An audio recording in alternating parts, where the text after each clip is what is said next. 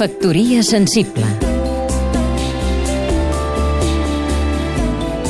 Núria Amat, escriptora.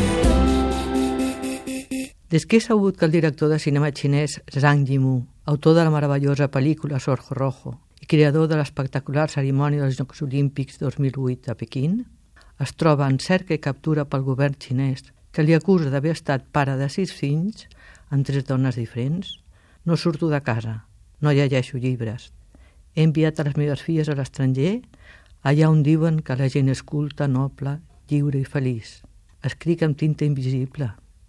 Defujo el carrer de l'Ató. Evito opinar fins i tot amb les parets del meu dormitori. No faig l'amor. No vagin a acusar-me més d'assetjament sexual i intent de violació a homes sumisos a l'autoritat governativa. Despisto els veïns amb disfresses literàries. Avui em toca d'escarbat, demà qui sap. He tancat boca, ulls i orelles.